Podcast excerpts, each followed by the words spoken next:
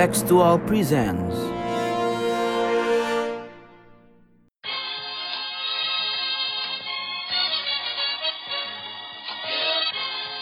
sondern wir schaffen uns unseren Staat. Mr. Gorbachev, open this gate. Together, we will make America great again. Sudah cukup bagi kita untuk mengatakan bahwa winter is coming. Selamat datang di podcast Bebas Aktif episode ke-58 Hari Wih, ini sudah sampai 58. ah, ngomongnya gitu mulu mas Habis bingung gue ngomong apa. Nah hari ini kita kedatangan tamu nih dari Universitas Parahyangan Oh bukan. Bebe. Bukan Bebe ke mana Bebe? Bebe udah dapat kerja di konsultan Wah, Selamat iya. buat Bebe. Itu artinya tidurnya berkurang. Oke nah Tapi hari- hebat sekali loh. Dia nyiapin bahan kita sampai jam Satu pagi satu pagi. Kudos to Bebe. Kudos to Bebe Dahsyat. Ya hari ini kita kedatangan Naifa Naifa Rizani Halo. Halo. Ini apakah gara-gara International Women's Day kita mendatangkan perempuan? Iya. Biasanya kan cowok-cowok. Oh, oh jadi Iya. ada agendanya ya? Enggak, enggak, enggak. Agenda Hafiz itu tolong. ya. Eh, Iya. Gue no comment ya. Akhirnya eh, kita bisa menciptakan diversitas walaupun masih tiga banding satu. Ya, kan? so- ya, biasanya kita cukup diverse kok. Enggak ini emang sebenarnya terencana dan terstruktur untuk menendang Bebe dari Iya. Gara-gara dia antek-antek pemerintah. Uh. Oh, anyway, hari ini kita mau bahas apa nih? Kita hari ini mau bahas soal sesuatu yang terjadi di seberang Samudra Hindia sana. Hah? Emang iya? Emang di seberang samudra India? Iya, dong, kan Iya, seberang iya. Samudra Hindia kita. Eh, di India. Ya soalnya bayangan gue seberang samudra Hindia itu Australia gitu. Oh. Karena gue orang Jogja kan, jadi samudra Hindianya adalah Oh. eh, Parangtritis, Iya. Parangtritis Ini ke sana kan Australia. Sering ketemu yang Udah, udah, udah, udah. ah, baru mau ngelawak coy. Ya udah. Eh, Bahaya lawakannya soalnya. Nanti menyinggung kultur. Benar, benar juga. Eh Nah, BTW karena kultur ini jangan berdampak besar. ya. BTW BTW apa sih yang terjadi di India, Cal? Identitas. Ah, ini yang kita mau bahas hari ini. Adalah- aja lu gak tahu kan? adalah tentang eh, sebenarnya ini juga cukup sensitif. Tadi kan gue udah bahas tentang bagaimana kita sesensitif apa kita membahas kultur. Nah ini Iya. juga sensitif loh masalah yang terjadi di India. Tapi kita mulai coba dari eh, pernyataan Bapak Maruf Maruf Amin nih, tanggal 4 Maret tahun 2020, Dia ngomong apa? beliau pernah menyatakan kalau misalnya beliau menginginkan adanya toleransi beragama atau antar umat beragama di India. Nah, ini menyangkut dengan masalah yang sebenarnya terjadi di India. Yaitu the rise of far right ya. Ya. The rise of extreme uh, far right, extreme terrorism, I think ya. Udah bisa dibilang sebagai terorisme belum, Mas? Hmm, Ini problematik. Eh. ya. Terorisme itu eh, istilah yang contested ya. Iya. Jadi Ah, kita ntar masuk ke pembahasan. ya, Tapi yang jelas- siapa yang ngomong. Di sini gue pengen mengutip sedikit tentang kata-katanya Pak Maruf Amin di kantor Wakil Presiden, Mm-mm. yang katanya kita menginginkan agar India bersikap seperti kita, Nah. Indonesia. yaitu membangun toleransi dan moderasi di dalam beragama. Mantap. Dahsyat. Nah, Eh. itu masalahnya. Standarnya rendah banget. ya udah, ya udah.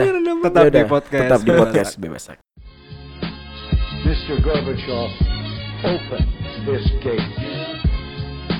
Together, we will make America great again. Oke, kita masuk ke segmen pertama. Sebelum kita ngobrol-ngobrol lebih lanjut, kita mau promosi dulu seperti biasa. Jangan lupa follow uh, Spotify kita, podcast Bebas Aktif ini. Terus juga jangan lupa buat baca-baca artikel kita. Ada tulisannya Naifa, ada tulisannya Haikal, cuman belum ada tulisannya Mas Sofan ya. Ya, ya Di- tulisan gue Mahal soalnya. di www.contextual.com terus Ya, juga ya, ya. bisa subscribe YouTube kita uh, Contextual Media bisa juga Ini follow- dia dia nagih sambil on air gitu kan. bisa juga follow Instagram dan Twitter kita @contextualcom uh, @contextualcom di ya tadi Instagram dan Twitter dan terakhir juga kita mau promosi diri kita sendiri Anjas Uh, follow Ical Haikal di Instagram dan Twitter follow Sofwan di uh, Instagram dan Sofwan Albana di Twitter follow Naifa Naifa RZN Iya. di Twitter uh, dan follow gua Moelija oke pernah Itu nggak sih nambah berapa tiap keluar episode? Wow. Eh, wah, itu itu rahasia dapur. Jangan lupa juga nih untuk eh, baca-baca kunjungi Saturday Night News. Oh iya. Rubrik baru kita kerjasama bareng FPCI UPH. UPH, ya. Wey. Seru banget. Nanti bakal ada kolaborasi lebih lanjut dengan banyak organisasi Hmm, international kepemudaan. relations ya. Iya. Dan kalau kalian juga pengen kolaborasi boleh kontak Yuk, mari. Mention aja atau DM salah satu media social handle ya Oh iya, betul. yang tadi. Setuju. Oke, kita masuk ke pembahasan. Ngomong-ngomong soal India, gimana nih, Cal? Eh, apa ya? Kenapa gue? Karena ta- karena tampang lu udah jigo-jigo Oh, iya. gitu. Tapi eh, fakta menarik tentang India ya. Nyokap gue waktu hamil gue tuh demen banget nonton India. Itu nggak penting sih tapi. udah, udah, udah. Nah, oke, jadi kita masuk aja ke pembahasan. Em, jadi eh, baru-baru ini yang membuat eh, tensinya cukup tegang adalah adanya eh, amandemen undang-undang kewarganegaraan. Citizenship Act ya. Citizenship Amendment Act di tahun 2019 di India. CAA. CEA. Yang mengamandemen Citizenship Act sebelumnya tuh tahun berapa sih? Oh, gua nggak tahu.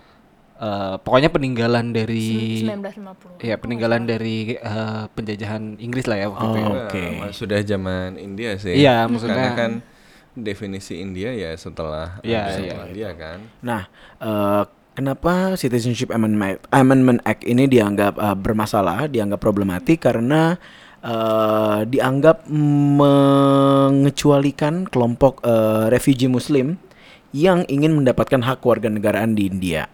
Eh, sebelumnya siapa pun ber- eh, bisa um, apply buat mendapatkan refugee di India tanpa melihat agama cuman karena kalau dia bukan kalau dia beragama Islam dia tidak akan bisa mendapatkan eh, hak tersebut menjadi warga negara India seutuhnya berdasarkan Amendment Act tersebut. Nah, gue mau nanya yang paling basic aja sih. Em, menurut kalian, eh, apakah ini bentuk diskriminasi ataukah ini bentuk em, bentuk men- mem- menjaga keutuhan India? Kan selalu gitu kan perdebatannya.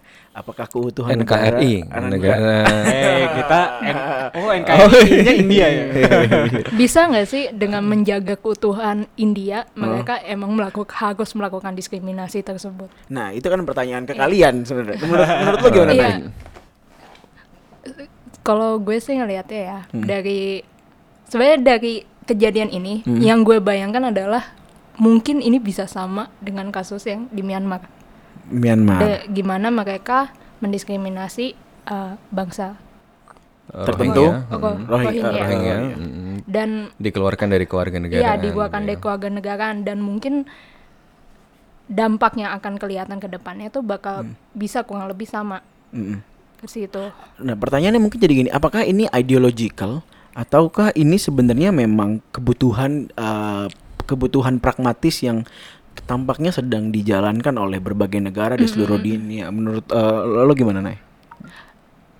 Gue ngeliatnya sih emang mungkin ada beberapa negara yang akhirnya merasa terancam Mm-mm. etnisitinya, Mm. yang akhirnya mendorong mendorong eh, kebijakan-kebijakan tertentu yang akhirnya kebijakan tersebut tuh malah mendi- mendiskri- mendiskriminasi etnis Hmm. lainnya yang bersinggah di negara itu, yang which is gak tahu sih gue ngelihatnya kayak tulisannya Samuel Huntington, Mm. gimana kayak pada akhirnya Apa, Clash of Iya, Civilization. class of civilization itu mendorong orang untuk lebih Hmm. concern terhadap Ya, tapi Clash of. Civilizations itu gue kira sih eh, justru cara untuk membakar ini sih gitu ya. Jadi Membakar? Menjustifikasi ya, gitu untuk ya. menjustifikasi ini. Oh. Ical, Ical dulu, Ical dulu mas. Ical dulu, Mas.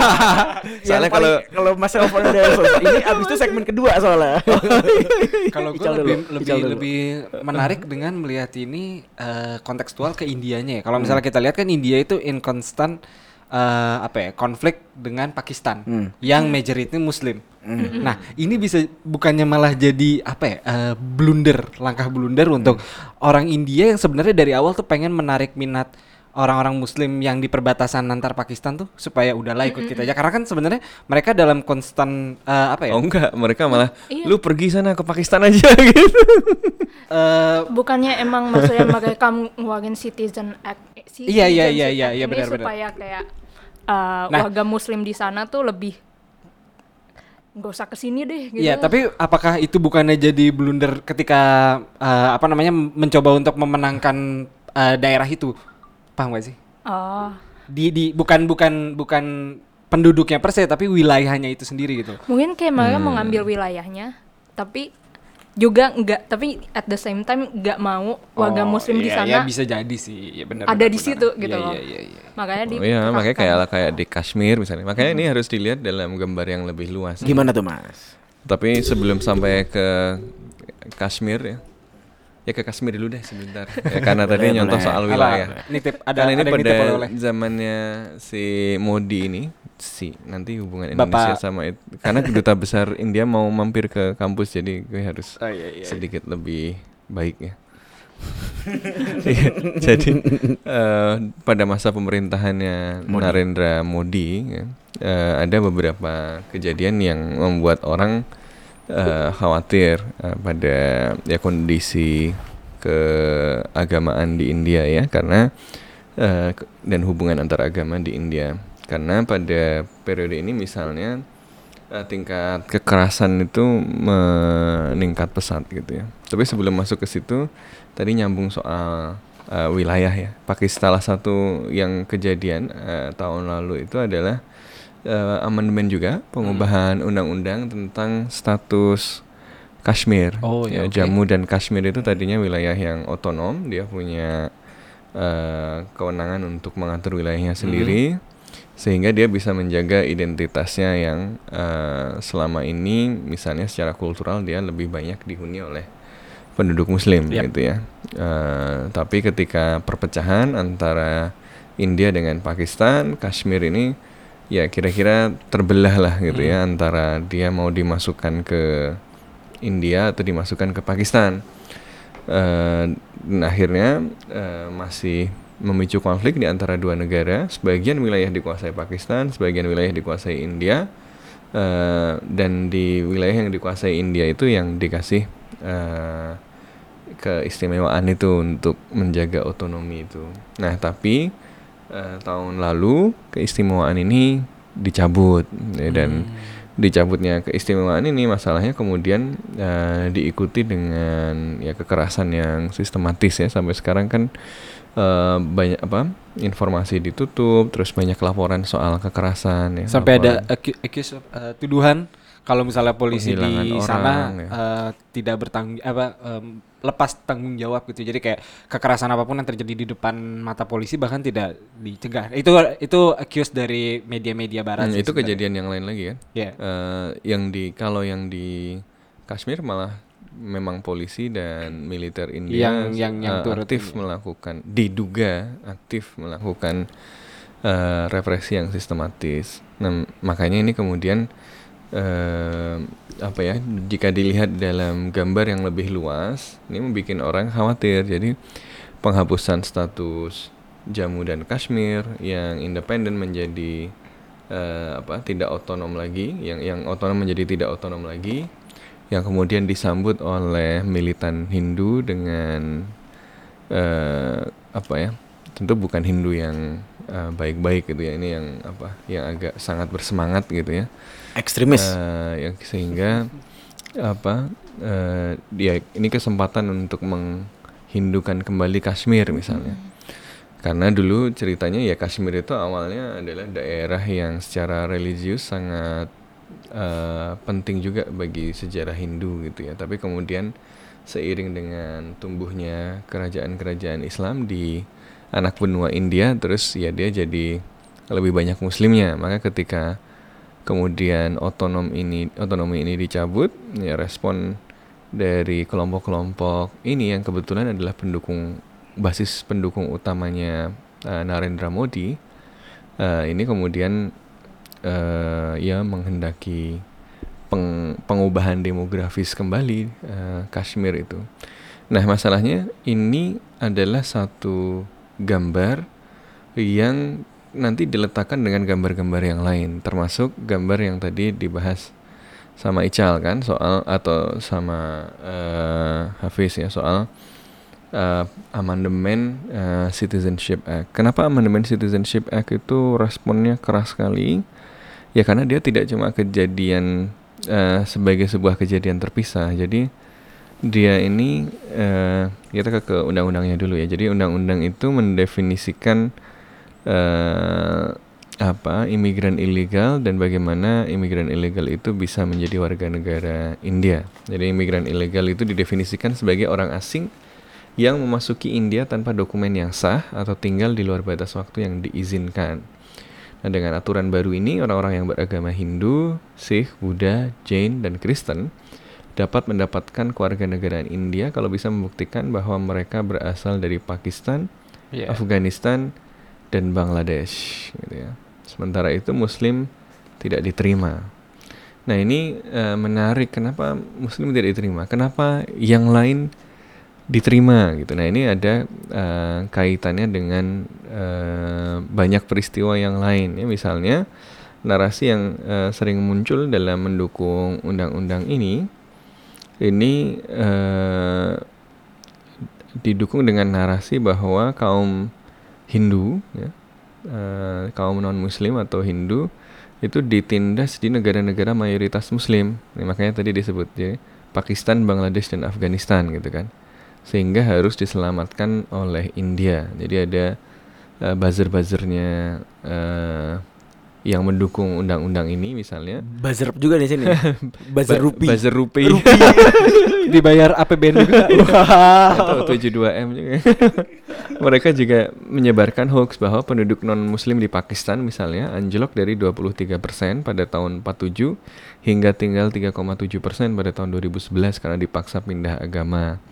Ini sama media India Today, ini dicek fakta, padahal eh, ternyata klaim tersebut salah karena angkanya ya tetap aja berkisar sekitar tiga setengah persen. Jadi pokoknya kalau eh, main di Facebook kalian eh, buka-buka isu soal India itu kayak akan seseru cebong dan kampret. Cuma pakai bahasa Inggris. Oh iya. Lebih terlihat apa deh? Lebih intelek ya. Jadi itu bukan malah apa ya pakai bahasa Inggris tapi level ininya sama gitu gitu. Oh gitu. iya iya oke oke. Level perdebatannya sama. Jadi kalau apa ya? Oh absurd absurd lah ada ada banyak perdebatan absurd soal apa internet zaman Mahabharata gitu dan macam-macam. Jadi perdebatannya itu luar luar biasa gitu. Wow. Eh, Mahabagat. jadi eh, apa ada perdebat apa jadi memang memang menarik. India ini kan memang sangat diverse ya. Eh, jadi ya ya wajar lah ada yang begitu ada semacam Denny Siregar satu dua tiga itu kan wajar saja. Tapi Mas eh, mungkin aku mau nanya sih Mas soal em, Eh belum selesai. Oh, belum? Nah, itu kan baru ngasih dua contoh. Oke. Oke, oke, oke. Tadi aku tahan dulu CAA pertanyaannya. Kashmir ya. Kemudian eh, kekerasan eh, eh, antar kelompok dan ter- terutama dalam hal ini adalah kekerasan terhadap komunitas eh, muslim ya. Hate Crime Watch misalnya mencatat bahwa tahun 2009 sampai 2018 tercatat 254 insiden kejahatan yang dilandasi kebencian karena alasan agama yang menyebabkan 91 kematian dan 579 luka berat. Yang menarik adalah lebih dari 90% kejadian tersebut terjadi setelah tahun 2014. Apa yang terjadi Setelah 2014? Narendra Modi naik. Oh kirain, oh gak ada hubungannya. Bener kan? Iya betul. Bener kan? Iya betul. Tadinya mau bercanda kirain presiden yang lain. Oh. Kalau soalnya kalau aku Enggak jadi. Yang pakai mobil kampanye. Enggak, soalnya kalau aku kan dipimpin sama yang itu dari tahun 2012. iya, Jadi enggak familiar. Wah ini gue jadi bingung gini mau. Tapi intinya gini, tadinya mau ngerjain Hafiz. Eh, Eh, jadi- saya saya sudah menjadi pendukung pemerintah sekarang. Da- dapat kebagian 72M ya. Eh, nah, jadi setelah tahun 2014, jadi dari 2009 sampai 2018 itu ada 254 kejadian sampai 91 meninggal. Tapi 90 persennya itu setelah 2014. Jadi bisa dibayangkan kenaikannya itu eksponensial. Jadi memang eh, pemerintahannya Modi ini eh, dilihat oleh banyak pengamat ya, bukan bukan saya loh, bukan saya. Menurut para pengamat ini ya mem- memperlihatkan gejala yang mengkhawatirkan soal eh, supremasi eh, satu kelompok tertentu terhadap kelompok yang lain dan ini ya berkaitan juga dengan eh, basis politik dari si Narendra Modi ini kan. Eh, Modi itu didukung oleh BJP, dan BJP ini didukung oleh eh, ya semacam kelompok milisi ya RSS Ya, ya, RSS. dengan ideologi eh, apa ya supremasi Hindu gitu ya. Nah ini kemudian eh, apa ya makanya retorika kampanyenya ya retorika seperti itu gitu kan. Yang ini kemudian berdampak pada relasi antara masyarakat di sana. Kalau lihat video itu yang beredar eh ini milisi ini kampanye di jalan-jalan. Ini orang-orang Iya, yang kemudian dianggap juga bertanggung jawab untuk menghajar orang-orang yang kemarin demo anti CAA itu Iya, iya, dengan iya, iya. dengan dukungan polisi katanya begitu. Jadi mereka sampai nyari ke rumah-rumah, sampai nyari ke mana Di daerah utara Delhi ya kalau nggak salah. Ya Kemarin. di Delhi, Eh, kampus apa beberapa kampus kan juga diserbu sampai masuk ke dalam ya. Eh, ya, Oh, TNI masuk kampus. ya. Jadi ada concern dari eh, masyarakat internasional tentang eh, ya ini kekerasan yang meningkat gara-gara apa eh, penggunaan eh, identitas supremasi eh, Hindu ini sebagai basis politik partai yang sedang berkuasa. Oke, udah saya belum mas. Sudah, sudah, sudah. Oh, ada lagi, ada Oke, kejadian boleh, boleh. lain lagi yang menunjukkan bahwa ini bukan tren isolated ya. Jadi pada bulan November Mahkamah Agung memutuskan bahwa kawasan utama Masjid Babri ini kejadian yang sempat ramai tahun 90-an itu diserahkan pada Badan Perwalian untuk membangun kuil Hindu. Kalau ngikutin politik India juga ada banyak wacana-wacana misalnya untuk mengganti nama-nama kota Ya, India yang berkaitan dengan yang agak sejarah Muslim apa, ya. ya, yang kelihatan terlalu Islam gitu ya diganti lagi dengan nama Yang asalnya, sebelumnya. nama aslinya. Oke, Mas, tapi eh, mungkin ini juga eh, buat jadi pertanyaan buat semua sih sebenarnya. Cuman kalau aku boleh nanya, Nggak boleh. eh pertanyaannya jadi gini. Kan kalau misalnya kita lihat kemarin di kita ngobrol di episode selanjutnya kan kita ngobrolin soal Malaysia ya. Sebelumnya. Iya. Eh, kok selanjutnya sih? Sebelumnya, episode sebelumnya kita ngobrolin soal soal Malaysia. Eh, kita ngomongin soal gimana ada Betul, satu ada satu koalisi yang eh, gado-gado gitu. Eh, ngomongin etnis tapi beragam etnis ada di satu koalisi. Di- Mungkin di Indonesia juga gitu kan, nggak semua etnis tertentu masuk dalam kubu tertentu. Di semua kubu ada etnis tertentu, Iya, ada iya, berbagai macam etnis meskipun po- eh, apa beda apa porsinya beda-beda gitu kan. Nah, Ada dominasi juga nggak sih? ada Hati-hati tuh ngomongnya kan. ada tapi kan ada porsinya gitu maksudnya ada juga orang yang etnis tertentu etnis minoritas mendukung India ketuanan Hindu gitu. nah tapi tapi gini tapi gini jadi pertanyaannya eh ada nggak sih sebenarnya kelompok muslim yang eh, di, mendukung BJP gitu atau yang eh, berada di dalam sisi Yang BJP pro justru malah. yang pro, Pro sama CA. pro sama eh, Narendra Modi karena melihat ini sebagai oh kan ini identitas India yang sesungguhnya bahwa budaya Hindu dan eh, kultural Hindu gitu ada nggak Aki nah soalnya itu aku nggak menarik. mendengar. Tapi konsensus nasionalnya masalahnya berbeda. Jadi kalau sejarahnya Malaysia karena dia kemudian di eh, kemerdekaannya itu diserahkan ini kalau bahasanya apa bahasanya Soekarno makanya makanya Soekarno curiga dengan Federasi Malaya dengan Malaysia karena eh, kemerdekaannya itu ya di- Diberikan. diberikan bukan diberikan ya dikembalikan ya kepada oleh Inggris gitu Eh, beda dengan eh, pengalaman Indonesia kan yang Melepaskan ya, diri gitu. melakukan revolusi. Nah India eh, kondisinya juga menarik gitu ya. Eh, ada banyak perlawanan, ada gerakan kemerdekaan yang eh, sangat keras, sangat populer seperti eh, Gandhi gitu ya. Tapi warna nasionalisme India ini kan juga beragam gitu. Jadi kalau kita mau lihat masalah ini sebenarnya memang harus ditarik sampai ke zaman kolonial. Jadi eh, ya ini kan semua akarnya ya gara-gara negara api menyerang ya. Eh, gara-gara Inggris lah kira-kira. Oh, iya, iya. Inggris itu Brexit itu bikin masalah jam Brexit yang yang ini bikin Yang masalah Brexit Brexit, yang di- dulu-dulu juga bikin masalah kan dia exit di Palestina bikin masalah sampai sekarang dia exit di India bikin masalah sampai sekarang Jadi kalau kata guru PKN eh, dijajah Inggris itu bikin maju salah mas ya. Guru PKN siapa yang kayak gitu? bikin ribut Coba ketemu gue. Pengen gue salim gue. jadi pas penjajahan Inggris ya kebijakannya untuk tetap berkuasa adalah divide and rule kan ya biasanya iya, iya. dengan divide and rule ini salah satunya dengan mempertajam eh, identitas tadi gitu ya antara komunitas Muslim dengan komunitas India kan. Nah kemudian ini eh, apa ya dan identitas ini sangat penting kan bahkan sampai memicu perlawanan terhadap Inggris ini kan soal identitas kan karena perlawanan apa terhadap Inggris yang apa the Indian Mutiny itu Iya, kan iya, salah satunya dipicu oleh gosip bahwa senjatanya dilumuri minyak babi gitu.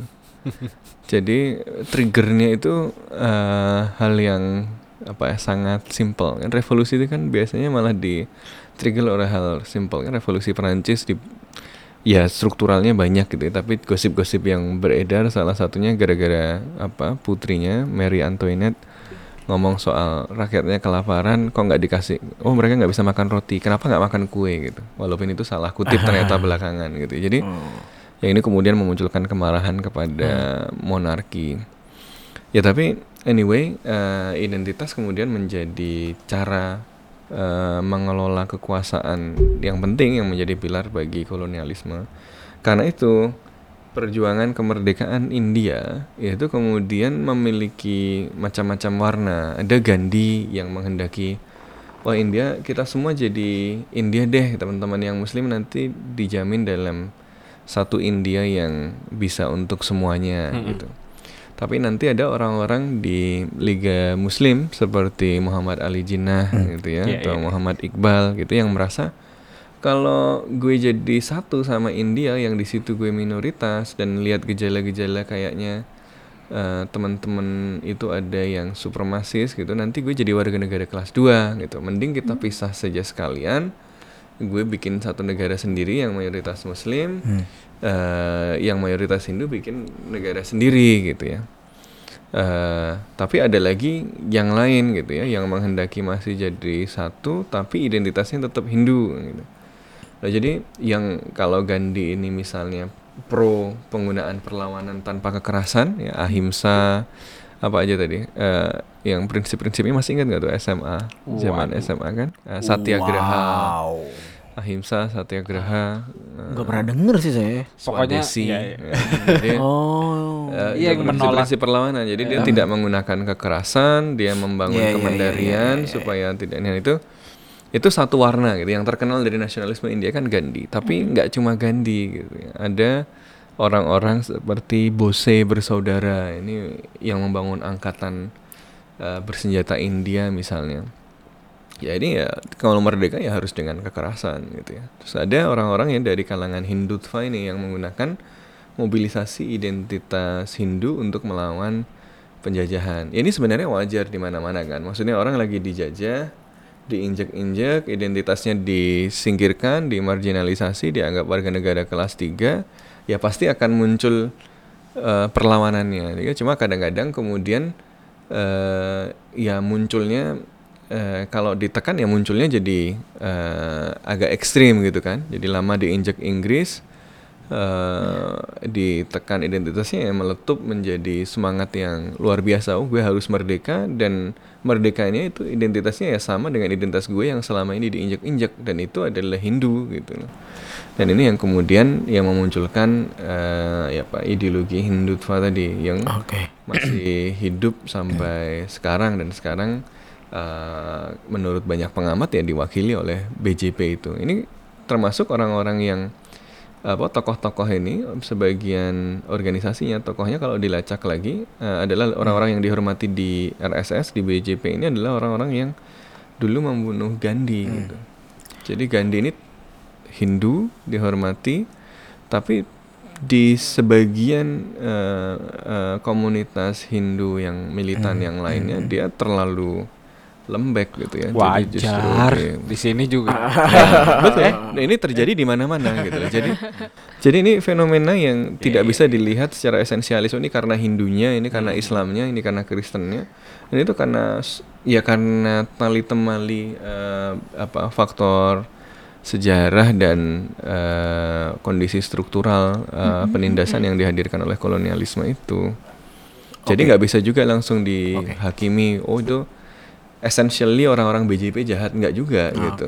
Itu ad- ada keadaan tertentu yang memunculkan ideologi ini yang membuatnya menarik bagi sebagian orang. BTW untuk memperjelas BJP itu Bharatiya Janata Party yang emang mendukung si Hmm, Narendra Bapak Modi. Narendra Modi. Partainya Ya, partainya Narendra Narendra Modi. Oke. Nah, oh, bentar, BTW eh, sebelum kita masuk ke segmen kedua, Naifa sama Haikal ada pertanyaan nggak buat Mas Sofwan soal yang tadi? Ah, ini kan kita ngobrol aja. Iya, ah, maksudnya ah, sebelum kita masuk ke segmen kedua, karena segmen kedua kita bakal ngobrol lebih banyak lagi soal Siap. eh, Kita lanjut. di tatanan internasionalnya, di level Indianya juga, domestiknya dan juga pasti kita tarik ke Indonesianya kayak gimana. Naifa nggak ada pertanyaan? Eh, Ada? Ini kok gue rasanya Gue kayak abis sebenarnya- kuliah terus nanya ke mahasiswa. terus mahasiswanya udah gelisah mau makan siang gitu. Kalau ada yang nanya langsung di ini. Sering digituin nih Mas? Nggak itu gue ya, silakan. Gimana? Oke. langsung, langsung. Dari tadi kita kan ngebahas tentang kayak uh, grassroots dari gimana oh, undang-undang citizenship ini. Aduh, undang-undang citizenship jaksel banget. Ya. Iya, undang-undang ini Ah. yang ngakar ada uh, faktor historisnya, ada uh, bagian dari gimana hubungan uh, Hindu dan Islamnya. Tapi uh, mungkin gak sih kalau ini sebenarnya ada faktor lain juga yang di luar itu? Karena uh, dari yang yang gue baca salah satunya uh, Bangladesh itu sempat khawatir dengan undang-undang yang dibuat oleh eh apa amandemen ini karena uh, itu akan mempersusah uh, flow refugee yang datang. Jadi apa mungkin emang juga ini proteksi juga gitu loh dalam uh, negara India untuk kasus refugee karena beberapa negara kan sekarang tuh juga mulai mulai juga melakukan proteksi tidak tidak semerta-merta menerima refugee di negaranya apalagi dengan Kayak outbreak. melimitasi. Ini Iya. jadi jadi langkah yang paling nyata yang bisa diambil oleh pemerintah India untuk mencoba untuk melimitasi arus refugee Iya. yang mungkin semakin meningkat atau apa gitu kali ya. Iya, dan kebetulan juga refugee-refuginya Rohingya itu adalah refugee Muslim. Muslim. Tuh, ini juga nyambung sama ini BJP. Jadi pemerintah BJP itu eh, maju ke mahkamah eh, tertingginya mereka untuk eh, memberi hak pemerintah India mengusir pengungsi Rohingya dari India. Oke. Oh jadi itu Ya kan beda maksudnya. alasan ya? Makanya kan orang kemudian membandingkan loh ini ada pengungsi yang eh, belum jelas. Jadi kalau kita lihat konteksnya sebenarnya kan eh, kenapa undang-undang ini ada? Salah satunya karena ada eh, pengungsi-pengungsi di daerah Assam ya. Eh, ini banyak pengungsi dari eh, Bangladesh. Eh, tapi banyak banget dan eh, ini kemudian mereka tinggal di situ lama. Nah India lagi bikin eh, citizenship apa citizen registry gitu. Jadi mereka lagi bikin semacam sensus penduduk. Jadi ketahuan ada banyak orang asing di situ. Masalahnya ternyata banyak di antara mereka itu orang Hindu gitu. Hmm. Jadi di Assam itu pengungsinya banyak orang Hindu, Eh, tapi banyak juga yang Islam gitu. Nah jadi orang-orang BJP ini eh, pengen yang Hindu ini masuk, tapi yang Islam jangan masuk. Gimana caranya? Nah ini yang kemudian eh, Muncullah. me- mendorong amandemen ini gitu. Makanya orang melihat ini sebagai eh, ya memang diskriminatif karena eh, ini kaitannya sama apa upaya memisahkan segolongan orang berdasarkan identitasnya. Padahal dua-duanya apalagi kalau kebutuhannya alasannya- sama ya. apalagi kalau alasannya untuk perlindungan dari represi. Iya. Lah, orang-orang Rohingya yang diusir di sana, BJP sendiri malah minta untuk eh, boleh ngusir. Ya, Kalau kalau masalahnya adalah oh kebetulan yang bukan muslim itu minoritas di negeri-negeri muslim itu jadi kita terima gitu ya. Lah ya di Rohingya ditindas juga jelas-jelas ditindas dan sudah ada di situ tapi mereka nggak mau menerima gitu kan karena berarti kan uh, Sentimennya alasannya beda ya? berarti kan bukan soal uh, menyelamatkan refugee gitu kalau kalau orang membandingkan dua kasus ini gitu I see, I see. Oke, eh, segitu dulu untuk segmen pertama. Eh, tadi seperti gue bilang, segmen kedua kita bakal ngomongin soal gimana eh, the rise of Narendra Modi dan far right di eh, India ini berpengaruh di tatanan internasional, di level domestik juga hubungannya sama Indonesia. Eh, tetap di podcast Bebas Aktif. Mr. Gorbachev, open this gate. Together, we will make America great again. Eh, masuk ke segmen kedua. eh, Gue mulai. Oke, Gua kalau mau mulai. Gue mulai untuk eh eh gue mulai untuk eh, menyinggung kasus yang terjadi tanggal 23 Februari yang memicu kenapa kita bikin podcast ini. Apa tuh? Iya, itu kerusuhan di eh, Masjid. Delhi itu Hmm. dimulai pada tanggal 23 Februari eh tentang ya tadi udah disinggung ada yang pro, ada yang anti sama eh, Citizen Citizenship Act Amendment. Ya. eh di situ yang jadi masalah adalah Citizenship Amendment Act. Eh ya ket- ketukar maaf. Eh, di situ yang jadi masalah adalah karena beberapa bukti foto yang diambil ketika kerusuhan terjadi dan ada ada ada, ada kekerasan di situ ada polisi dan mereka diam aja gitu loh. Itu yang Eh, yang yang yang coba Tuan, digaris Tuan Takur. itu, biasanya. itu yang coba digaris Di bawahi sama media-media barat yang kritis terhadap eh, apa yang terjadi di sana. Nah, tanggal 26 Februari Twitter eh, Narendra Modi itu eh, nge-tweet tentang Ntar ya, gue buka dulu Twitternya. Ini menarik. Ya, ketutup. Pokoknya intinya adalah eh, Narendra Modi Narendra Modi di sini meminta untuk eh, semuanya damai dan beliau mengatakan kalau ya emang sebenarnya nggak ada apa-apa yang perlu diributkan gitu. Kayak ya udah semua berjalan eh, normal aja gitu loh kembali sebagai damai nah di sini gue menarik juga karena eh, si eh, Narendra Modi ini eh, harusnya kan seseorang yang eh, di di di di picture di sini tuh jadi karena gue ngeliat reply reply-nya tuh kayak orang yang ah selama ini lu tidur lu akhirnya eh, ayo dong kerja dong mana nih segala macam yang cuman kayak adlib apa segala macam Eh, ini terbukti dari tweetnya gitu loh jadi kayak seluruh dunia mengkritisi beliau gitu. itu kayak gue sedih sih punya prime minister yang dikritik oleh seluruh dunia kayak Oh, apakah emang Ya. pemimpin negara ya itu ada ada dua. Mungkin dikritik itu berarti negaranya penting jadi semua orang ngamatin. Iya, iya, Iya. Iya. atau Eh, ya, Atau problematik. Atau problematik. ya, atau problem- ya maksudnya gini. Kalaupun problematik, orang tahu itu problem berarti lu diperhatikan gitu. loh. Tapi kalau ada masalah banyak, tapi orang nggak komentar, gue lagi nunggu blunder apa sama orang nanya petanya ada di mana gitu. Ah, itu sebelah mananya Bali, nah itu, sebelah mananya. Iya, iya. Itu masalah gitu. Um, tapi mungkin gue mau coba mulai dari uh, level internasionalnya ya. Karena uh, gue ngelihat bahwa uh, the rise of Narendra Modi ini sama seperti beberapa kemunculan sayap kanan jauh di seluruh dunia. Uh, Sayap mening- kanan jauh ya. sayap kanan jauh. Kalau habis Harus- masih deket-deket aja. Masih sayap Harus kanan. jauh. harus jauh. Harus jauh lah. Kita harus bisa mem- mem- membedakan karena Iya, iya. uh, sayap kanan jauh. Uh, karena menurut gua ini um, ini meningkatkan hubungan sesama pemimpin-pemimpin sayap kanan jauh.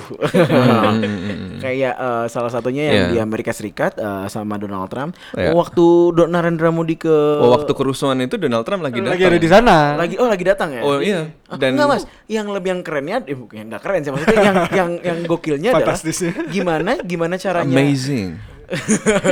wow. ini eh, waktu waktu waktu Narendra Modi ke US itu kayak disambut dengan sedemikian Iya, rupa iya. juga oleh Ada, Trump Iya. dan eh, Ya, dan- tapi sama komunitas India juga yang di sana. Iya, enggak tapi uh, yang aku amazed adalah di tataran internasional, yang aku amazed adalah bahwa kemunculan sayap kanan sayap kanan jauh ini ternyata tidak membuat mereka jadi anti berhubungan dengan negara lain gitu. Jadi selama selama selama Sama-sama saya Iya, pesan ya. selama selama selama sama sama-sama kepentingannya, selama sama sama-sama peduli eh, investment gitu ya, pasti Iya, bersahabat. Iya, iya, iya, iya. Tapi ya eh, Iya, gue pernah ketemu orang apa ya sayap kanan jauh gitu ya, Jerman, hmm. main di Jepang. Oh, cocok tuh kan. Terus dia ketemu sama eh, Shin- se- eh, Abe, Abe. yakuza yakuza, Oh, Yakuza, sayap Yakuza, kanan iya. gitu kan. ya, Get ya bukan yakuza lah, tapi ya kira-kira agak-agak sayap kanan gitu. Ya, Get mereka along, get along. Ini saling bisa saling menghormati. Memang begitu, kita harus mengutamakan bangsa kita sendiri Iya, gitu loh. iya. Jadi keduanya memang maksudnya ideologinya sama, ya mengidole- meng- mengutamakan bangsa sendiri gitu. Dan tapi ya emang mirip sih yang kalau- mereka terjemahkan pada identitasnya masing-masing. Jadi sama orang asing nggak ada masalah selama lu nggak gangguin gue di sini Benar, benar. gitu Dan loh. ini mirip sama kayak Mussolini eh, Jepang dan eh, Jepang siapa nama dulu lu uh, Ya buat Trump orang India nggak masalah selama dia nggak di Amerika. selama dia Kalau di Selama Amerika dia baru iya. jadi masalah. eh, tapi tapi aku jadi kepikiran gini mas kalau misalnya semua seluruh dunia sayap kanan jauh nih ya kan mereka kan mementingkan kepentingannya sendiri ya misalnya sebentar sebentar belum selesai ini belum punchline belum punchline terus eh, tiba-tiba kan selama kepentingannya kan yang penting terpenuhi ya terus akhirnya instead of berperang satu sama lain seperti yang diprediksikan oleh Huntington malah mereka mikir kayak oh kayaknya ini bisa di, bisa jadi wadah kerjasama bareng untuk mengembalikan semua orang-orang ke negaranya masing-masing gitu loh Ayo bully bully Ayo, semua bully habis bully Ya, habis. masalahnya identitas kita itu kan sekarang tidak sesederhana itu. Iya benar benar. Iya. Ini sih lagi bercanda mas ya ampun. Lah iya, gue juga lagi bercanda. Tapi itu ngaruh nggak sih ke gimana sekarang kebijakan-kebijakan contohnya kebijakan luar negeri Indonesia pas zaman Jokowi kan sudah mulai kayak milih-milih gitu. Oh jadi Jokowi kanan jauh. Salah ya. Wah, luar biasa. Ini klaim yang sangat Aduh, menarik. Anda membunuh tamu Anda sendiri harus tolong, tolong. bukan maksudnya bukan bagian menjadi kanan jauh. Tapi kan karena memang- tadi ngomongin karena memang tren globalnya lagi Iya, demikian. Gimana, gimana? globalnya. Tapi memang iya. Eh, eh, belum belum selesai mas, belum selesai gimana gimana? Iya, udah sekarang tren Iya. globalnya udah Jadi oh udah, oke. Iya, tapi memang eh, Jokowi juga oleh banyak pengamat kan disebut sebagai Iya, iya. populis. Jadi Iya, iya. memang ini apa ya gelombang populisme di mana-mana dan populisme paling gampang itu kan ya pakai Identitas. identitas kan. Iya benar sih. Walaupun identitasnya macam-macam, ada identitas sekuler, ada identitas keagamaan, identitas budaya, ya, tapi itu cara paling mudah untuk memobilisasi orang gitu. Permasalahan kalau buat aku, kalau buat aku mungkin eh, yang jadi masalah adalah di trade barriernya. Eh, karena instead oh, karena eh, orang-orang sayap kanan kan biasanya suka dengan free trade Ya, dan segala yang- macam, tapi yang- sayap kanan jauh kan lebih ke arah eh, merkantilis yang sifatnya lebih bangun eh, bangun barrier Ya, tarif ya, dan, barrier lebih non tarif gitu kan. ekstrim lagi. Dan Hitler lebih- naik tuh kebijakan pertama langsung naikin tarif. Nah iya iya. Eh, Modi ini kan juga India first, Hmm, makanya dia keluar dari RCEP. Kan- Trump keluar dari TPP. TPP. Iya, secara hubungan dagang kan juga Jadi dia lebih- lebih, protek juga. Lebih, Ya. lebih proteksionis sebenarnya. Iya. Em, Enggak enggak jadi. jadi ya eh, kalau gua ngeliat sih memang sebenarnya Ya, eh, diplomasi untuk rakyat gitu. Oh enggak, beda lagi itu. Bapak membunuh karakter Bapak sendiri. saya saya Enggak, saya menggoda saja. Eh, ya intinya sih eh, internationally it's not good gitu ya. Udah ngelihat kondisi sekarang kayak gimana, eh, economic slowdown, terus eh, kalau misalnya Ya. semakin banyak negara yang sayap kanan jauh, hubungannya jadi tapi perang tarif sih. tapi ini juga nggak harus nggak bisa dilihat eh se- apa sebagai penyebab saja gitu. Ini juga akibat dari sesuatu gitu lah jadi apa tuh sesuatu? Ya? Sesuatu. jadi kemunculan kelompok-kelompok sayap kanan jauh yang kemudian Globalisasi. masuk ke dalam politik. Ya ya arti gini. Sejak eh, tahun 70-an kita kemudian eh, masuk ke era deep integration ya. Eh, yang seharusnya gitu. Kemudian tahun 90-an Fukuyama bilang the end of history demokrasi liberal sebagai ya, puncak dari perjalanan eh, sejarah manusia gitu. Ternyata tidak semua janjinya itu tertunaikan gitu kan. Makanya muncul eh, diskonten awal kan di negara-negara selatan. Awalnya diskonten loh ini globalisasi tidak selalu bekerja seperti yang dijanjikan. Saya sudah melakukan yang disarankan melakukan liberalisasi ekonomi privatisasi dan macam-macam but it's not working gitu kan kemudian eh It's working. ya it, it, mm, it depends Eh, Ayo berantem lagi, berantem lagi. Nah, kalau lihat eh, angka-angka agregat yang dipilih gitu ya, ya bisa dibilang working, tapi tergantung working itu didefinisikan seperti apa. Yang jelas orang-orang seperti Stiglitz yang eh, yang ekonom, pemenang Nobel, yang ik- kerja di World Bank dan melihat langsung bagaimana program World Bank itu juga mengatakan bahwa apa yang dilakukan oleh World Bank dan IMF itu tidak selalu eh, bekerja dengan baik gitu ya. Dan ini diskonten pertama itu di negara-negara selatan karena mereka yang mendapatkan dampaknya gitu kan. Eh, sehingga kemudian eh, muncul apa ya the globalization and its discontents itu. Tapi kata Stiglitz sekarang discontent itu nggak cuma di negara-negara selatan, diskonten itu juga mulai dirasakan di negara-negara utara. Diskonten itu juga mulai dirasakan di negara-negara maju gitu loh.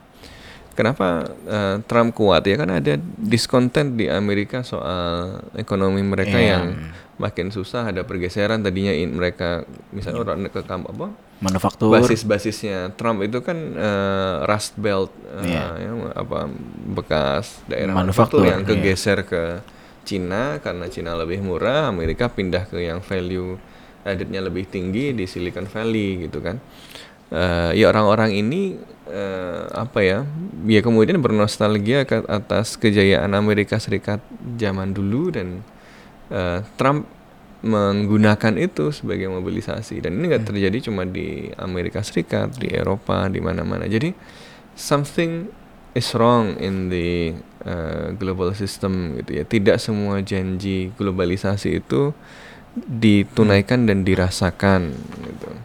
Jadi Ah. eh, jadi dia gini jadi kadang-kadang kalau gue ngelihat orang-orang sayap kanan jauh gitu ngobrol sama orang-orang sayap kanan jauh eh, kadang-kadang apa ya kadang-kadang sebagian teman-teman itu kan langsung judgmental oh ini orang eh, radikal eh, Lagi ngerencanain idiot, mau- gitu ya, dan macam-macam gitu ya Ngapain? Um, gitu? barangkali mungkin kita perlu lebih empatik juga gitu Iya, loh. betul, setuju. gini, kenapa mereka begitu gitu? Betul. Kenapa begitu? Ya, karena mereka merasa disenfranchised gitu dari eh, kondisi ekonomi, eh, kondisi politik dan satu-satunya cara mereka punya merasa punya agency adalah dengan menjadi bagian dari sesuatu yang membuat mereka punya makna kayak gitu loh. Jadi mungkin caranya bukan dengan didemonisasi gitu. Ini saya kanan jauh di mana-mana ya, termasuk yang deket kita aja gitu. Jadi caranya nyeramahin orang-orang kanan jauh itu bukan dengan eh toleransi dong gitu. Benar, setuju. salam Pancasila dong, bukan dengan begitu.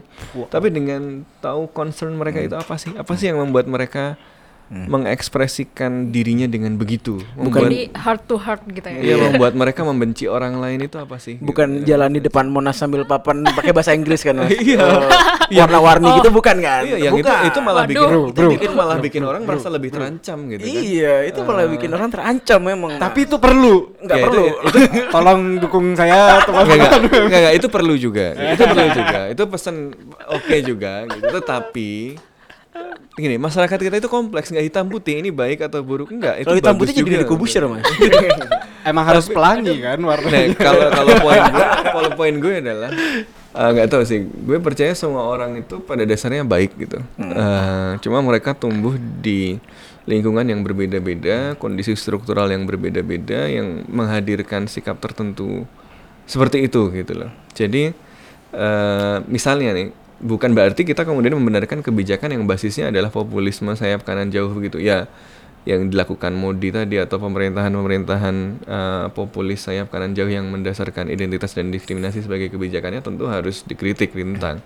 Tapi sikap kepada individu-individu yang yang mendukung itu. mendukung mereka itu itu barangkali harus lebih Peka. apa ya peka gitu ya. Ah, benar, benar. Jadi orang-orang konservatif, orang-orang ini di Inggris misalnya, Iya. kenapa mereka memilih Brexit kan selama ini dicap "Oh, kamu goblok, kamu ini dan macam-macam itu Malah makin kencang. tambah kencang Malah lagi makin gitu kencang. loh. Ini gini, eh, gue beberapa waktu lalu kan ke Inggris ya dan Hmm. ya, maksudnya ya sesekali kan ngobrol sama orang-orang di jalan dukung Iya. Brexit atau nolak Brexit gitu ya.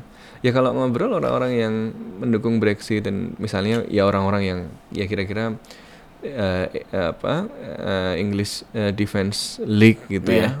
Eh, itu aja mereka apa ya? Kalau didengarkan itu ya ada personal cerita yang experience bareng- dan macam-macam yang membuat mereka begitu gitu. Tentu ini bukan untuk menjustifikasi tindakan mereka. atau Iya. tindakan gitu loh. Tetapi poin gue adalah eh, karena semua orang itu bersikap karena ada konteks tertentu, kondisi tertentu, maka cara menyikapinya itu bukan dengan ya tadi bukan dengan ceramah, bukan dengan apa-apa gitu. Barangkali yang kita butuhkan ya memang apa ya? Bisa lebih sering saling mendengarkan dan membongkar apa sih yang ada di dalam itu sehingga ekspresinya jadi seperti ini gitu. Gimana caranya yang ada di dalam itu ketakutan-ketakutan yang mereka rasakan, kekhawatiran yang mereka rasakan, kekecewaan yang mereka rasakan itu bisa dipahami dan dijawab dengan sesuatu yang lebih baik daripada ekspresi kayak gitu. Ini gue sepakat soalnya em, ini jadi ket- ini sama aja kayak misalnya kalau lu ngelihat Ya kayak kalau di Indonesia ya orang-orang FPI itu misalnya. Iya. Jadi bukan diceramain toleransi, moderasi Benar-benar. gitu, nanti malah kabur gitu. Ini eh, adalah langkah bukan untuk membenarkan tapi untuk merasionalisasikan sehingga masalahnya itu jadi jelas sebenarnya apa Mm-mm. dan solusi yang keluar pun jadi akhirnya bisa tertuju dengan tepat tadi. Naifa mau ngomong? Eh, aku, juga sebenarnya setuju dengan pandangan pandangan Mas Sofwan. Sofwan. Ya, soft one, the soft one. Oke.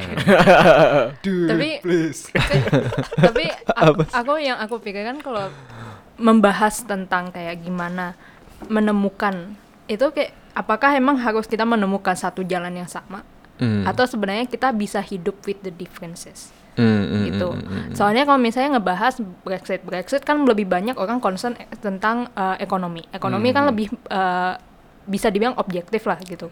Tapi Brexit kan objektif. kenapa banyak yang mendukung bukan soal ekonomi. Brexit banyak mendukung soal imigran. Oh, Ekonomis. Eh, Iya, iya, mi- Iya kan iya, soal iya, imigran. ah, iya. Retorikanya Sebenarnya soal gini, Tapi- itu imigran. masalah formal informal. Jadi di formalnya diomongin ekonomi terus Iya. padahal Iya, sentimennya tuh mengarah ke Eh, sana. bukan, ya. bukan bukan masalah imigran sih mas, tapi lebih ke arah personal feelings. Jadi eh, bisa itu eh, imigran eh, Nah, anti kita imigran dengarkan adalah penjelasan pendukung Boris.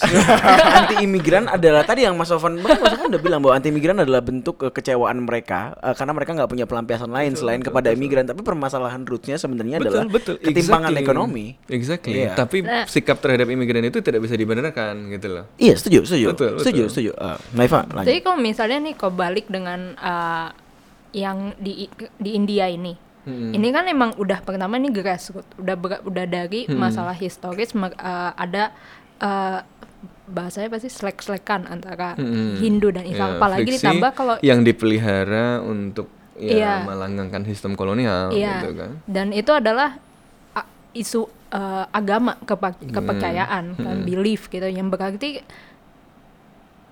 nggak bisa gitu. Sebenarnya maksudnya kita di antara di antara kalau udah ngomongin agama kan tentunya kita bukan kayak hmm. masalah siapa yang benar siapa yang salah gitu Hmm, loh. hmm. Tapi jadi Iya. kayak Tapi konsensus Divide-nya lebih kencang gitu maksud lo. Perbedaannya lebih Iya, kencang. Jadi Ya, lebih mendasar. mungkin pada akhirnya bukan masalah kayak mencari perbeda eh, mencari kayak hal yang sama gitu.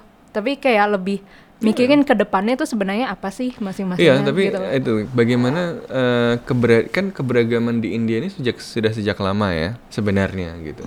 Tapi identitas itu kan kenapa menjadi sesuatu yang menjadi basis kekerasan itu karena dia diinstrumentalisasi karena dia digunakan untuk kepentingan tertentu. Makanya tadi riset kekerasan tadi menunjukkan meningkatnya pesat 90% itu setelah 2014 misalnya. Berarti kan Iya.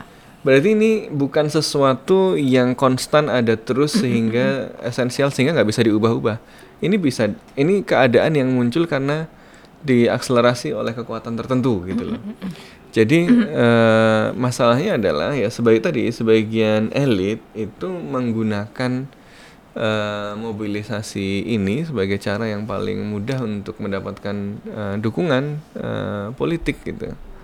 Jadi eh apa ya India itu konsensus awalnya justru sekuler sebenarnya Yep. kan Iya. konsensus awalnya ini ini bedanya sama Malaysia tadi yang eh misalnya konsensus awalnya adalah eh yaudah Melayu deh gitu kan karena kalau India ini konsensus awalnya sekuler eh beda sama Pakistan misalnya yang eh, memang Republik Islam gitu Nah, tapi ini kemudian men- menghadirkan problem di India sendiri ke misalnya 17% penduduknya yang muslim itu kan. Eh 17 persennya India banyak banget loh itu. ya ratusan Dua- juta. 200 juta. 200 Iya, juta. 170-an Betul. sampai 200 juta. Iya, eh, lalu di kalangan orang India sendiri yang misalnya tadi apakah eh, India ini memang eh, konstitusinya apa ya kemudian menganggap semua warga negaranya sama atau ya memang harus eh, orang Hindu yang eh, yang utama gitu. Nah, ini yang apa ya yang kemudian di menjadi problem karena eh, kemudian identitas ini dimobilisasi kan oleh kelompok-kelompok eh, Hindutva tadi. Jadi bu- problemnya bukan semendasar soal agamanya apa, tapi bagaimana agama itu digunakan Untuk eh, apa? Ya di dalam relasi sosial gitu kan. Makanya memang tadi orang-orang misalnya eh, orang-orang yang mengekspresikan dirinya dengan begitu karena mereka lugu, karena mereka miskin, karena mereka terpinggirkan oleh pembangunan itu mungkin harus diajak ngomong di ini. Tapi yang jahat ini kan sebenarnya eh, orang-orang yang menggunakan orang-orang semacam itu Iya. dicekoki dengan eh, hoax-hoax yang ya. memobilisasi lah ya. Ya Terus dicokoki dianggap dengan cerita-cerita memberikan harapan. macam-macam Buzzer-buzzer. gitu. kemudian diarahkan untuk melakukan sesuatu yang jahat gitu yang kemudian mereka sendiri kadang-kadang nggak bisa kontrol gitu jadi mereka nyalain api supaya mereka bisa berkuasa apinya terlalu besar mereka sendiri juga bingung madaminnya gitu Oke, oke, mantap Mas Sofwan. Ini udah banyak, udah panjang banget soalnya udah 50-an menit kita Oh, udah ngobrol 50 menit. eh, panjang lebar soal India dan eh, the rise of protectionism. Kita tentu berharap di India cepat selesai masalahnya Benar, dengan benar, damai. ya Dan- dan, pernyataan Ma'ruf Amin tadi Pak Kiai Haji Iya, Ma'ruf iya, iya. Amin eh, wakil presiden kita itu semoga juga mengingatkan kita eh, itu sebenarnya lebih ke tamparan buat kita sendiri sih masa iya kita nawarin jadi model soal toleransi itu kan rasanya gimana ya Ya kita udah. belum sampai bunuh-bunuhan Ya, Jangan jangan, sampai, jangan, jangan, jangan. jangan ya sekarang ya tapi kita pernah loh sampai iya, iya. bunuh-bunuhan Iya, jangan di. Ambon Iya. dan macam-macam dan kita seharusnya ya menjadikan itu pelajaran jangan Iya. sampai kejadian lagi lah Oke, Eh, terima kasih Naifa, eh, Mas Sofwan, Ical eh, hari ini mantap. Em, semoga kalian juga eh, tercerahkan dengan apa yang kita obrolin hari ini. Eh, segitu dulu buat episode kali ini. Gua Hafiz, eh, Naifa, Sofwan, Ical, eh, cabut dulu. See you next episode. Dadah. dan